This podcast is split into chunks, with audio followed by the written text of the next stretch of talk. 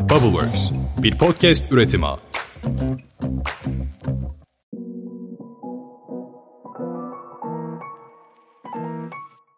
Merhabalar herkese. Start Point'in yeni bölümüne hoş geldiniz. Prototip bölümünden sonra çok ara vermeden Minimum Viable Product yani MVP bölümümüze başlıyoruz. Beni sosyal medya hesaplarımdan takip etmeyi, eğer bu podcast'i beğeniyorsanız arkadaşlarınızla paylaşmayı ve beni desteklemek istiyorsanız Patreon'dan destek olmayı unutmayın diyerek bölüme başlıyorum.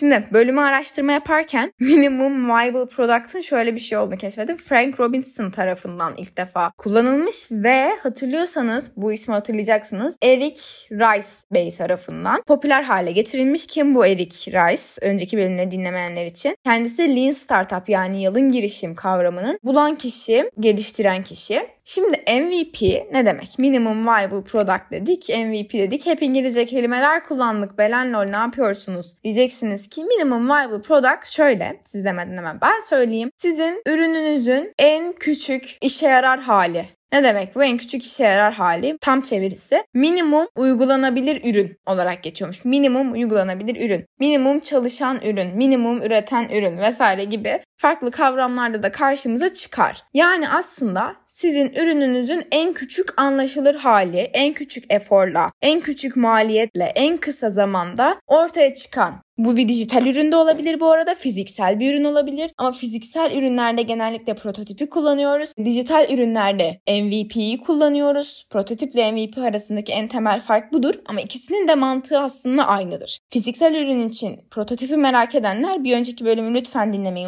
unutmasınlar. Dinleyenler zaten onları buradan öpüyorum. MVP kısaca sizin ürününüzün, hizmetinizin, SaaS girişiminizin artık neyse erkenden en yılın haliyle en az para harcayarak en kısa zamanda üretilmesi demektir. Lean Startup kavramında şundan bahsetmiştik. Bir girişimci ürünü hayata geçirmek, hizmeti hayata geçirmek için çok zorlanabilir. Çünkü her şeyin tam olmasını, eksiksiz olmasını ister. İşte en iyi şekilde ürün bizim müşterilerimizin karşısına çıksın, en mükemmel olsun. Ama Lean Startup kavramında da, yalın girişimcilikte de, çevik kavramında da şu mantık vardır. Hayır sen mükemmel bir şekilde bu ürünün piyasaya çıkmasını istiyorsan çok zaman harcaman gerekecektir ve ürünün asla mükemmel olmadığı için sürekli sürekli çıkış tarihi tarihini, piyasaya çıkma tarihini, para kazanma tarihini aslında sen erteleyeceksindir. Biz bunun olmasını istemiyoruz. Mükemmel iyinin düşmanı. Çokça kullanılan bir söz. Mükemmel iyinin düşmanı. Mükemmel ürün üretmek, mükemmel hizmeti, mükemmel girişimi ortaya çıkarmak senin oldukça çok parana ve zamanına mal olur. Biz olabildiğince hızlıca piyasaya çıkmak, test etmek, geliştirmek, tekrar piyasaya çıkmak, tekrar test etmek, tekrar geliştirmek istiyoruz. Çünkü sen ürünü mükemmel hale getirmeye çalıştıkça aynı zamanda kullanıcının isteğinden de uzaklaşmış olabiliyorsun. Belki pazar sen ürünü çıkarana kadar gelişebiliyor, daha iyi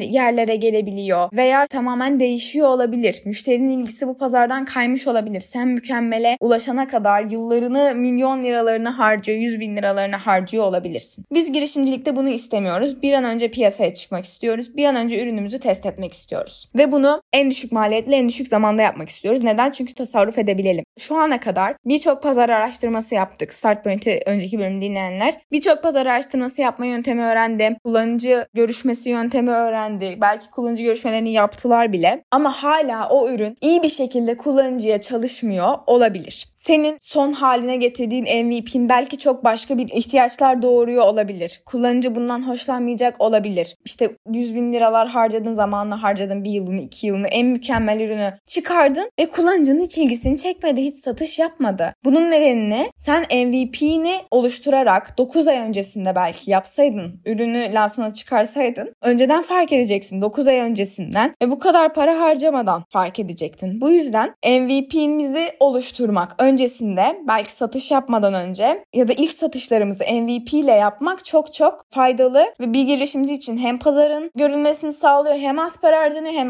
az zaman harcanıyor. Bence artık şu ana kadar bunu anlamışsınızdır ne kadar önemli olduğunu. Az önce bayağı dil döktüm çünkü. Şimdi minimum viable product şöyle bir tanımda kullanılmış. Kendi cümlelerimin yanında ben böyle bloglardan aldığım ya da işte makalelerden aldığım tanımları da kullanmayı seviyorum. Ürünü erken benimseyen müşterileri ürüne çekmek veya ürünü geliştirme döngüsünün başlaması başlarında ürün fikrini doğrulamak için yeterli özelliklere sahip olan ürün MVP'dir. Ne diyor burada? Erken benimseyen müşteriler yani aslında sizin ürününüzün ilk satacağınız kişileri sizin ürününüz hakkında fikir sahibi olması hatta belki onlara satıp ürünü kullandırtmak için, prototipini denetmek için, early adapterlarınızı, erken benimseyicilerinize satış yapmak için MVP'yi yaratırsınız. Ve ürün geliştirme döngüsünün başında ürün fikrini doğrulamak. Ne bu ürün geliştirme döngüsü? Daha önce bahsetmiştik. Ürünü yap, geliştir, test et. Bakalım satıyor mu satmıyor mu? İnsanların ilgisini çekmiş mi çekmemiş mi? Sonra tekrar aldığın feedbacklere göre ürünü tekrar yap. Tekrar lanse et. Sonra aynısını dene bakalım. İlgi görecek mi? Satış yapacak mı? Aldığın feedbacklere göre tekrar test et. Gibi gibi. Olan döngüdür. MVP yazılım ve benzeri gibi sektörlerde ürünü yinelemek ve iyileştirmek gibi konular için ürün ekibinin mümkün olan en kısa süre içerisinde kullanıcı geri bildirimlerini alması için oldukça yardımcı olmaktadır. Bu nedenle bu arada şu an neyden yararlanıyorum? BTM'nin Bilgi Ticarileştirme Merkezi'nin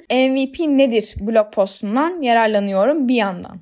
Az önce anlattıklarımı, kendi kendime anlatmaya çalıştıklarımı çok güzel özetlemişler burada. Bir ürünü mümkün olan en kısa süre içerisinde piyasaya sürmek. Ürünün tam gelişimine büyük bir bütçe ayırmadan önce bu fikri gerçek kullanıcılar ile test etmek, şirketin hedef pazarında ne yankı uyandırıyor, ne işe yaramıyor, ne çalışıyor öğrenmek için aslında biz MVP'mizi yapıyoruz. MVP'nin faydaları şunlarmış. Tekrardan az önce anlattıklarımı özetliyor bu. Geliştirme maliyetini aza indiriyor. Ürünü erkenden pazara çıkarmak için imkan sağlıyor. Geliştiricilerin hatalarından ders çıkarmasına yardımcı oluyor ve müşteriler içerisinde ürünü beğenenlerin oluşmasını sağlıyor. Yani sizin aslında öyle adaptörlerinizin oluşmasını sağlıyor diyebiliriz. Aynı şekilde sizin MVP'nizle minimum viable product'ınızı oluşturmak sizi yatırımcı karşısına, kuluçka merkezlerinin karşısına veya işte hibe programlarının karşısına çıkmanızı kolaylaştıracak, bu süreci hızlandıracak etmenlerden biridir. O yüzden mutlaka mutlaka MVP'mizi yapıyoruz. Bir önceki prototip bölümünde de bahsetmiştim. Bizim Campy için yaptığımız site aslında bir site yoktu ortada. Biz TÜBİTAK'da kabul edilirken, İTÜ çekirdeği de kabul edilirken tamamen kendi prototipim üzerinden siteyi tasarladık. Adolo, Marvel, Figma gibi uygulamalarla siz de kendi dijital MVP'nizi oluşturabilir, prototipinizi yapabilirsiniz. Biz işte Adolo ve Marvel'ı kullanmıştık. Ben aynı şekilde şu an Marsi'nin sitesinde Adolo'dan yapıyorum. Küçük de bir kopya zaten bir önceki bölümde vermiştim. Marsi'yi startuplaştırma sürecimizde Adolo'yu kullanıyorum. Bu şekilde arkadaşlar umarım MVP'nizi yaparsınız. Yapmazsanız çok üzülürüm. Bu arada şöyle bir durum oluyor bazı girişimlerde. Ben girişimleri, yeni çıkan girişimleri, arkadaşlarımın girişimlerini, takipçilerimin girişimlerini desteklemeyi çok seviyorum. Şey DM'den çok fazla bu arada geliyor bana mesaj. İşte sizi uzun zamandır takip ediyoruz, Start Point'i dinliyoruz vesaire. Sitemin prototipini yaptım. Bir inceler misin? İşte app'imin, uygulamamın MVP'sini yaptım. Bir inceler misin? Gibi çok fazla geliyor. İşte kullanıcıya sunduk. Bugün işte App Store'a yükledik. Paylaşabilir misin vesaire gibi çok fazla istek geliyor bana. Rica geliyor ve ben asla kırmıyorum. Çok seviyorum hatta işte takipçilerime bu şekilde destek olmayı, arkadaşlarıma bu şekilde destek olmayı, sizlerle paylaşmayı çok seviyorum. Ve sonra bana bir sürü şöyle yorum geliyor. Böyle site mi yapılır? Böyle app mi yapılır? İşte kayıtta şu sorun var, kayıtta bu sorun var. Arkadaşlar olabilir. Çok normal. Siz bir site yapmaya kalktığınızda, siz bir uygulama yapmaya kalktığınızda bu zaten sizin MVP'niz olacak. İlk etapta hiçbir site, hiçbir uygulama, hiçbir hizmet gelişimi zaten mükemmel bir şekilde şu an olduğu gibi karşımıza çıkmadı. Girin bakın ilk etapta Instagram'ın akışına mükemmel miydi? Hayır. Belki o da ilk etapta SMS doğrulama kodu ya da mail doğrulama kodunu göndermiyordu Çoğu girişimde olan hatalardan biri mail kodunu göndermemesi, SMS kodunu göndermemesi mesela. Belki o zamanlarda mail doğrulama kodu bile yoktu bilmiyorum. Ama mutlaka bu gibi sitelerde hani yeni işlerde toleransınız yüksek olsun. Siz bir girişime başladığınız anda zaten işte bir girişimin MVP'sini yapmaya başladığınız anda kendinizi de yargılamayın. Bu konuda işte olmuyor, mükemmel olmuyor, en, en harika haline sunamıyorum. Başkalarını da bu şekilde yargılamayın. Sonuç olarak bir yazılım geliştiriyoruz. Bir dijital ürün ya da bir fiziksel ürün geliştiriyoruz burada. İlk etapta asla mükemmel olmayacak. Sadece o insanlara nasıl daha iyi olabilir geri bildirimini vermeye çalışın ve mutlaka insanlardan da açık bir şekilde nasıl daha iyi olabilir geri bildirimini almaya çalışın. Kimse kırılmasın, gücenmesin. Açıkça birbirimize söyleyelim kimseyi kırmadan, gücendirmeden diyerek konuyu kapatıyorum. Beni dinlediğiniz için çok teşekkür ederim. Start Point dinlediğiniz için çok teşekkür ederim. Sosyal medya hesaplarımdan beni takip etmeyi unutmayın. Sorularınız varsa Instagram'a çok sık bakıyorum. Bana soru sorabilirsiniz. Ve aynı şekilde mail adresim yukarıda. İşle ilgili olan konularda da mail adresimden bana ulaşabilirsiniz. İşle ilgili olmayan konulara genellikle mailden geri dönüş yapmıyorum. Instagram üzerinden dönüş yapıyorum. Bir sonraki bölümlerde görüşmek üzere. Hoşçakalın.